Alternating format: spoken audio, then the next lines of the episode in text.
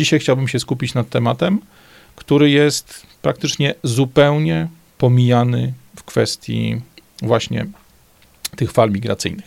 Cały czas stawia nam się przed oczami temat związany właśnie z bezpieczeństwem tych ludzi, no i to jest ten najbardziej politycznie poprawny przekaz, że tam jest wojna, tam jest głód, tam jest niedola, stamtąd trzeba uciekać, dlatego musimy tym ludziom otworzyć swoje drzwi. Tam cały czas stawia nam się też przed, przed oczami kwestie ekonomiczne. Nie dziwmy się, że ludzie, którzy pracują cały miesiąc za 35 dolarów, tak jak Polacy w latach 80. czy w latach 90., kiedy plan Jeffreya Sachsa, zwany u nas planem Balcerowicza, rozpieprzył polską gospodarkę, tak jak my uciekaliśmy do Niemiec, do, do Austrii, w inne miejsca, tak oni chcą uciekać do tych miejsc, gdzie się dużo lepiej żyje, gdzie się dużo lepiej zarabia. To wszystko jest prawda. Natomiast jest jeden powód, o którym chciałbym dzisiaj skupić się na końcu. Tym powodem jest hijra. Hijra to jest takie tradycyjne określenie funkcjonujące w kulturze islamu, które oznacza wędrówkę, oznacza przejście, pewnego rodzaju przemianę. E, generalnie, jak popatrzymy sobie na islam jako sam system, e, czy na pojęcie szersze, to nie jest tylko religia. Islam jest też systemem politycznym, jest też systemem funkcjonowania krajów. Jest, islam ma swój własny system prawny, oparty oczywiście e, o prawo szaria, o prawo szariatu. Islam też ma bardzo wiele wspólnego z funkcjonowaniem plemion, właśnie plemion zdobywczych, plemion, które nastawione były na ekspansję, na przechodzenie przez świat i podbijanie coraz to nowych terytoriów w, właśnie w ramach wojny religijnej dla panowania islamu, dla rozszerzania panowania islamu nad całym światem. Co jest bardzo ciekawe, kalendarz muzułmanów, jak spojrzymy sobie właśnie na te podstawy muzułmańskiej religii czy muzułmańskiego świata szerzej pojmowanego, kalendarz muzułmanów nie zaczyna się od daty objawienia Koranu Mahometowi bo Koran nie został napisany, oficjalnie został objawiony przez właśnie Mahometowi. Mahomet jako prorok spisał Koran i zaczął go głosić, e, ale też kalendarz muzułmanów nie zaczyna się od urodzin Mahometa. Nie jest tak jak u nas, że datą podstawową jest data urodzin Chrystusa. Tutaj od e, dzień urodzin Mahometa jest po prostu jedną z kropek na kalendarzu, na tej linii czasu, której, którą arabski kalendarz, muzułmański kalendarz zawiera. Kalendarz muzułmański zaczyna się od 16 lipca 622 roku naszej ery. I jest to data specyficzna, ponieważ jest to początek roku księżycowego. No tak to wygląda, oni funkcjonują według właśnie roku księżycowego, nie według roku słonecznego. Początek roku księżycowego, w którym Mahomet i jego wyznawcy uciekli z Mekki do Medyny. Sama hijra, czyli sama ta wędrówka, sama ta ucieczka odbyła się trochę później, bo 12 września, tak mniej więcej 12 września 622 roku, tu dyskusje na temat tego, który dokładnie był to dzień, to jest temat na nie jeden doktorat pewnie, który został napisany i jeszcze zapisany będzie. Natomiast mniej więcej musimy pamiętać, że ten rok 622 to jest, to jest hijra, to jest przejście Mahometa z Mekki do Medyny. Jakie jest tego tło? Mahomet urodził się, funkcjonował w ramach plemienia Kuraisz właśnie w Metce.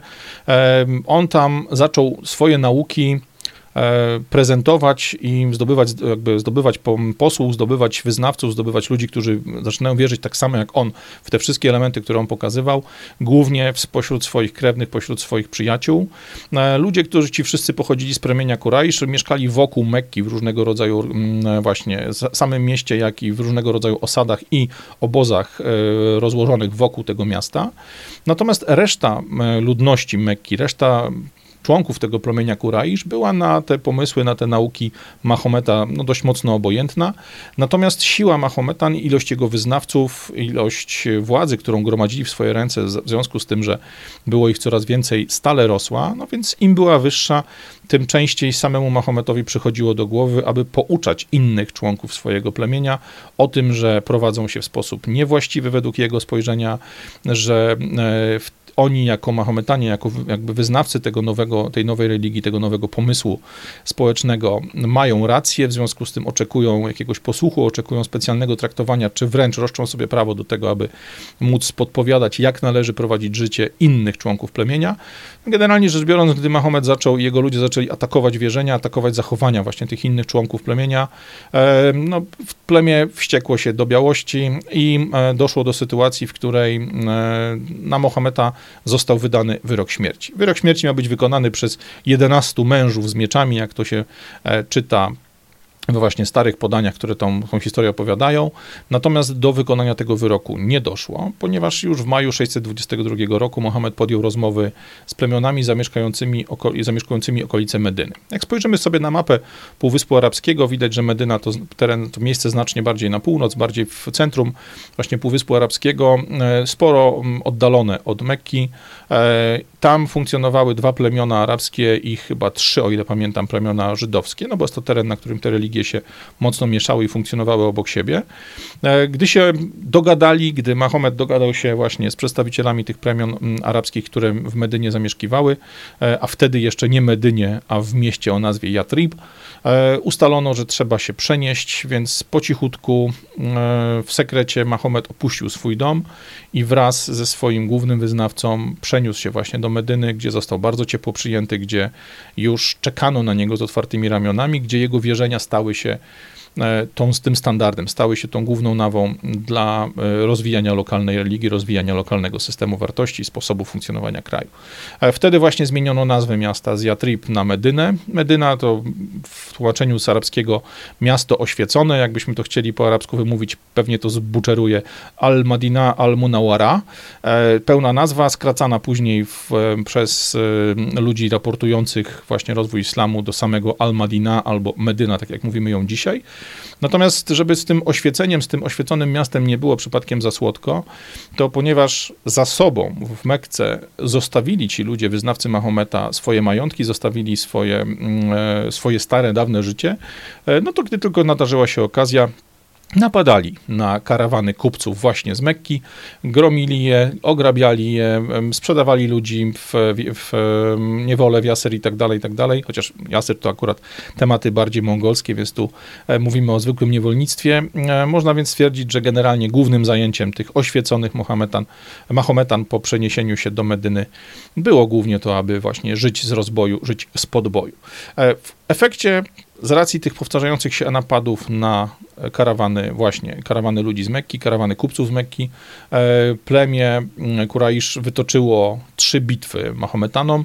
E, w międzyczasie zostały z terenu Medyny usunięte te trzy plemienia żydowskie. Co do szczegółów nie chcę tu wchodzić. E, podporządkowano sobie plemię Kuraisz, to które właśnie było, mm, zasiedlało Mekkę i tak naprawdę od tego momentu od momentu podporządkowania sobie Mekki, podporządkowania sobie plemienia, z którego Mahomet musiał uciekać, rozpoczyna się marsz islamu na północ. Żebyśmy mieli świadomość, o jakiej skali rozmawiamy. Przez 10 lat od przeprowadzki do Medyny Mahomet zorganizował, czy był członkiem ponad 90 ekspedycji wojskowych, tam dokładnie chyba 95, z czego w prawie 30 z nich on sam brał udział. Żebyśmy wiedzieli, jak bardzo był to bojowy skurczybyk, e, można sobie łatwo powiedzieć, że mając lat prawie 60, bodajże 59 czy 60 lat, na rok czy półtorej roku przed swoją śmiercią jeszcze uczestniczył w, e, w ekspedycji wojskowej, jeszcze uczestniczył właśnie w takiej ekspedycji związanej z podbojem. Patrząc na to, jak w 620, czy tam w tym momencie w 630 roku długo średnio żyli ludzie, jak bardzo ta średnia wieku była niższa niż mamy ją dzisiaj, no to blisko 60-letni facet, który który nadal bierze udział w, wojsko, w ekspedycji wojskowej. To jest naprawdę niezłe wydarzenie, co pokazuje, jak bardzo bitnym, jak bardzo wojowniczym Mohamed był człowiekiem. I to jest klucz. To jest klucz, to znaczy, aby zrozumieć to, co może być częścią tych naszych dzisiejszych problemów z niekontrolowaną migracją, jednym z kluczy do tego hasła, do tej odpowiedzi jest właśnie hijra, jest ta wędrówka. Ona nie jest tylko elementem tradycji, ona nie jest tylko elementem, do którego się wraca, kiedy musimy sobie poopowiadać jakieś historie związane z naszym wyznaniem, czy z naszą kulturą szerzej pojmowaną, bo znowu, islam to nie jest tylko wiara, islam to jest system zarządzania państwem, to jest cały zestaw praw, zestaw praw właśnie e, spiętych w ramach e, prawa szariatu, to jest sposób myślenia, to jest zupełnie inny system finansowy, to jest system pożyczkowy, to jest masa, masa rzeczy, o których pewnie warto będzie porozmawiać. Natomiast e, oprócz tych wszystkich elementów, które są nam na stałe pokazywane, aby wskazać, że oczywiście islam to religia pokoju, rozwoju, nie wolno nam zapominać, że to również system polityczny, system gospodarczy i sposób funkcjonowania, sposób jakby toczenia polityki. A każda polityka ma zawsze dwa, dwie odmiany, dwa rozdziały. Politykę wewnętrzną własną, którą reguluje szaria i politykę zewnętrzną, politykę podboju w tym wypadku, politykę militarną, sposób w jaki prowadzi się rozwój tego projektu. E, tu bardzo dobrym źródłem informacji jest dr Bill Warner. To jest facet, który jest ekspertem od właśnie politycznej strony islamu, od tego systemu zarządzania podbojem, systemu zarządzania państwem, e, od tych wszystkich rzeczy, o których rzadko się bardzo mocno w zachodnich mediach mówi, no bo ze względu na polityczną poprawność e, i szczególną wrażliwość muzułmanów w tym, aby rozmawiać na tematy ich religii w sposób inny niż ten, który jest tylko cały w skowronkach, bieli i e, jednorożcach. E, generalnie ten temat jest e, trudny, niebezpieczny dla przetrwania kont na Twitterze na przykład, czy YouTubie, ale myślę, że warto go poruszyć od strony takiej stricte twardej pragmatyki. Dr Warner mówi wprost, hijra przez muzułmanów, ta wędrówka nie jest traktowana jako wędrówka. Hijra jako hasło jest sposobem na podbój. Ona jest utożsamiana z podbojem. Według niego Hijra to podbój prowadzony w sposób pokojowy, taki, który polega na, na, stopniowym zasiedlaniu, na przesuwaniu tej granicy zasięgu religii e, islamskiej, zasięgu religii muzułmańskiej do nowych miejsc na całym świecie. E, gdy Hijra swoimi metodami właśnie zasiedlenia, metodami postawienia przeciwnika przed faktem dokonanym jest nieskuteczna, mamy wtedy w zasięgu jeszcze jeden poziom, podwyższenie, eskalację do poziomu dżihadu. Dżihad to jest święta wojna, to jest wojna toczona przez właśnie Mahometan przeciwko niewiernym. Jeżeli pojawia się dżihad, no zaczynają się rzeczy straszne, o których już tym razem zwykle słyszymy w telewizorku. Natomiast sama hijra jako ta powolna wędrówka, jako powolne zajmowanie coraz to nowych terenów jest kompletnie wyciszona, jest kompletnie niereportowana, bo jest po prostu politycznie niepoprawna, i sami muzułmanie są na jej temat bardzo mocno uczuleni. Generalnie musimy pamiętać, że to jest zestaw trzech klocków. Tam, gdzie pojawia się hijra, następuje ten podział, czy właściwie znaczy następuje ten podbój w sposób mniej lub bardziej pokojowy. Jeśli to nie wystarcza, mamy nakładkę w postaci dżihadu, wojny świętej, a celem jednej i drugiej drogi, czyli drogi hijry, albo inaczej, drogi hijry, tej spokojniejszej, drogi dżihadu, tej jakby skupionej na wojnie totalnej, efekt ma być zawsze ten sam. Ma być podbicie nowego terenu, podporządkowanie sobie ludzi i majątku, który na tym terenie się znajduje i zaprowadzenie prawa szariatu, zaprowadzenie szarii tego, co jest zwycięstwem muzułmanów nad wszelkimi innymi narodami. To jest fundament islamu, to jest coś, czemu nie można zaprzeczyć. To jest rzecz, której po prostu zaprzeczyć się nie da, bo stanowi ona tego, tego muslamu prawdziwą naturę. To jest element, który składa się jest jednym z elementów składowych całej tej kultury, całego tego sposobu funkcjonowania. I tu jest problem, ponieważ no, tu dr Warner mówi wprost, zresztą to też myślami możemy sobie dośpiewać i wymyślić, że tak naprawdę mieszkańcy Zachodu, no to przede wszystkim Amerykanie, bo oni nigdy nie mieli na swoim terytorium żadnego najeźdźcy, e, ale też ludzie z zachodniej Europy, bo ci, którzy dzisiaj funkcjonują, którzy dzisiaj mają coś do powiedzenia politycznie lub są najgłośniejszymi krzykaczami, choćby w mediach społecznościowych, na uniwersytetach czy w lokalnych samorządach, ci ludzie też nie, mają, nie mieli nigdy do czynienia z wojną, ci ludzie nie mieli nigdy do czynienia z prawdziwą przemocą. Więc ludzie tego starego, spokojnego, najedzonego i luksusowo funkcjonującego Zachodu nie mają w ogóle pojęcia o prawdziwej naturze islamu. E, nie wiedzą i wydaje im się, że ta religia może współgrać z zasadami, które mamy w naszych krajach, czyli tymi zasadami, e, które mają swoje korzenie w, e, właśnie w kulturze rzymskiej, w kulturze greckiej. Natomiast według Warnera wielu polityków, wielu dziennikarzy, czy ludzie w ogóle w tych, którzy sterują mediami, sterują tym przekazem, który jest nam kolportowany, w ogóle ci ludzie nie chcą, abyśmy zrozumieli, abyśmy poznali tę stronę, religii, tę stronę systemu społecznego, tę stronę funkcjonowania islamu jako religii, jako właśnie systemu społecznego, systemu politycznego, sposobu prowadzenia wojny przy pomocy hijry albo przy pomocy dżihadu. Prawda jest taka, że doktryna islamu, ta doktryna zdobywania nowych terenów, podbijania nowych terenów, podporządkowywania sobie ludzi jest kompletnie, nie jest tożsama, jest kompletnie inna niż to, co my traktujemy jako prawa człowieka, co jest podstawą właśnie tego naszego systemu społecznego, podstawą naszego systemu politycznego. I tu mamy ten problem, o którym już chwilę temu rozmawialiśmy. Wielu ludzi na Zachodzie uważa, że ta niekontrolowana dzisiaj, dzisiejsza migracja, że te wariackie ilości ludzi, którzy przechodzą przez amerykańską granicę od południa, którzy przepływają na skleconych gdzieś tam e, chałupniczo albo wręcz przemysłowo łodziach e, do Europy, to jest tylko charakter ekonomiczny. To są biedni ludzie, którzy potrzebują pomocy. Takie cechy tam są. To jest prawda ale są też cechy inne. Tam mamy ludzi, którzy uciekają przed przemocą, przed poborem do wojska, ludzi, którzy nie chcą ginąć za swojego kacyka czy za prezydenta, który okradał ich tak samo jak poprzednik i następca.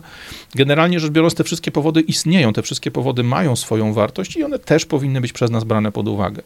Ale musimy pamiętać, że Mahometanie, ludzie, którzy wyznają islam, którzy funkcjonują w kulturze islamu, są ludźmi dużo bardziej wierzącymi niż jest większość z nas. Nie, nie, tam nie nastąpił laicyzm, czy laicyzacja taka jak w Europie Zachodniej, czy w ogóle na Zachodzie. Ludzie, którzy u nas są katolikami, czy chodzą do kościoła, albo ludzie, którzy na Zachodzie są protestantami, kalwinistami i tak dalej, albo tą religię całkowicie odrzucili, to są ludzie, którzy dziś nie mają tego mechanizmu, tej sprężyny, która ich nakręca do obrony swojego terytorium, bo nie mają już wiary. Przez to, że zostali tak, a nie inaczej ukształtowani przez lewacką naukę, przez lewacką szkołę, przez te wszystkie chore idee, które od 65-68 roku niszczą regularnie e, mental Zachodu, mental ludzi Zachodu. Ci ludzie nie mają też takich jakby wszczepionych takich pojęć jak e, choćby nacjonalizm, ten pozytywnie rozumiany nacjonalizm, czyli obronę swojego narodu, obronę swojej rodziny, swojej grupy e, ludzi mieszkających na tym samym terenie przed obcymi. Ci ludzie nie mają przywiązania dzisiaj już do rodziny, bo rodzina jest niszczona przez różnego rodzaju projekty, nie mają oparcia w, w, tej rodzinie najbliższej, no bo ludzi starszych traktuje się jako niepotrzebnych, dzieci, które nie były planowane się usuwa i tak dalej, i tak dalej. To oczywiście temat, o którym dzisiaj nie chcę mówić, ale porównajmy się osoby tego twardego, starego zachodu bogatego, rozpieszczone, które nigdy nie miały do czynienia z prawdziwą przemocą, które żyły w szklarniowych warunkach e, przez całe swoje życie, czy kilka wręcz pokoleń.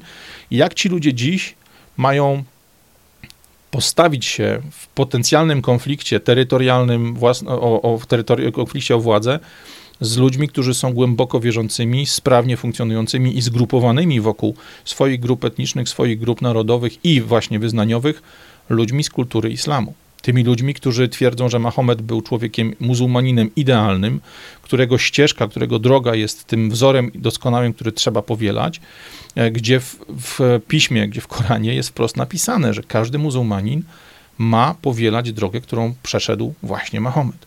Ci, którzy chcą być dobrymi muzułmanami, wiedzą, że celem tej religii, tego sposobu myślenia, tego sposobu funkcjonowania w ramach struktur świata jest stały podbój, jest rozszerzanie islamu na nowe miejsca, na nowe tereny, na nowe, na, na nowe obszary. Celem jest dzisiaj zdobycie Europy, celem jest zdobycie dzisiaj Stanów Zjednoczonych, jakby przejęcia kontroli nad całym światem, bo to jest element muzułmańskiego prawa, muzułmańskiego systemu wartości, muzułmańskiego systemu funkcjonowania. Co jest jednak bardzo istotne. Wielu ludzi, którzy właśnie tą śpiewkę o religii pokoju, ten, tą promocję islamu jako no, równorzędnego systemu do tego, co, w czym my funkcjonujemy, systemu, z którym można rozmawiać, negocjować, jakoś tam się bratać, ci ludzie nie rozumieją jednego.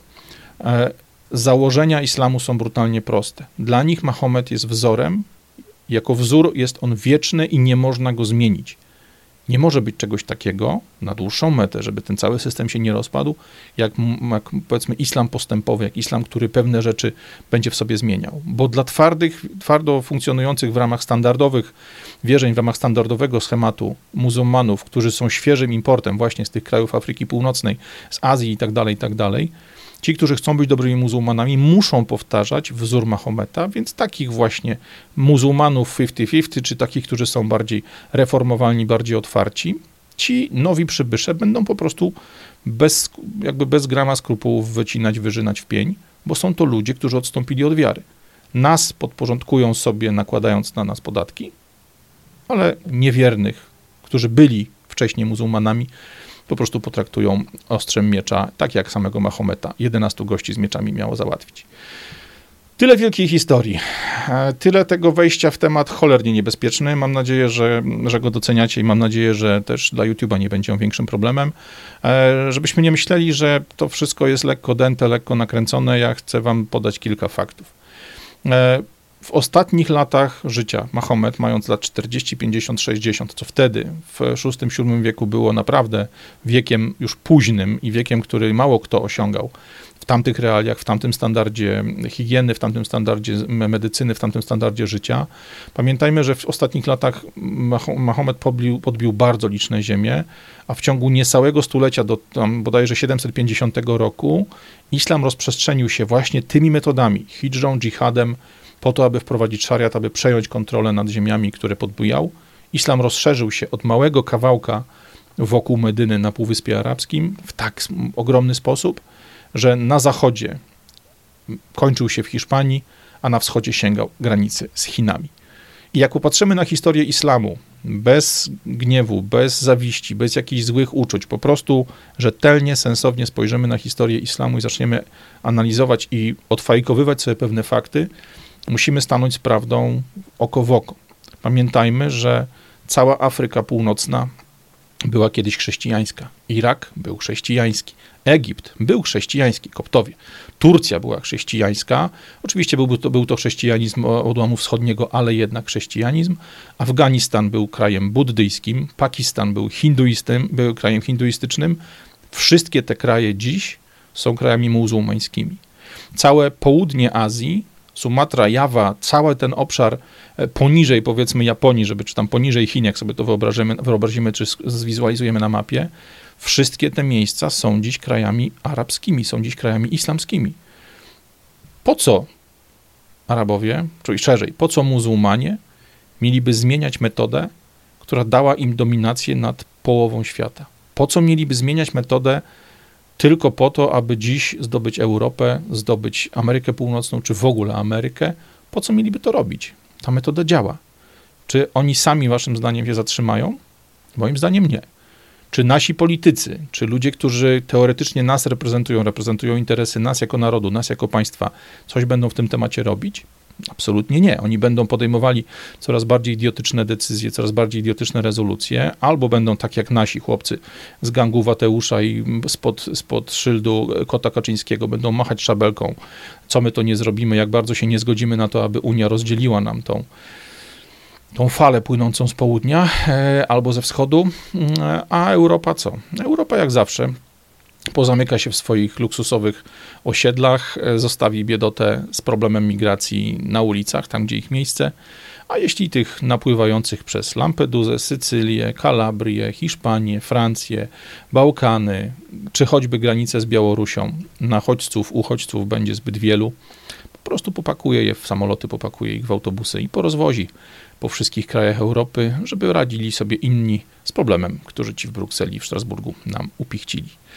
Jak sobie z tym tematem poradzić, e, pokażę Wam na przykładzie Nowej Zelandii i Australii. Rozwiązanie jest, rozwiązanie istnieje, ale zanim do tego dojdziemy, myślę, że czekają nas jeszcze przynajmniej ze dwa spotkania, żebyśmy omówili trochę więcej aspektów tego, dlaczego ci ludzie płyną, kto im na to pozwala, jak zachowują się organizacje, tak zwane NGOsy, czyli organizacje pozarządowe, które wspierają ten ruch, które sprawiają, że da się zmontowaną z metalowych, niemalowanych blach przepłynąć całe Morze Śródziemne na skuchę, że da się dotrzeć do włoskiego czy greckiego wybrzeża. O tym wszystkim jeszcze pogadamy.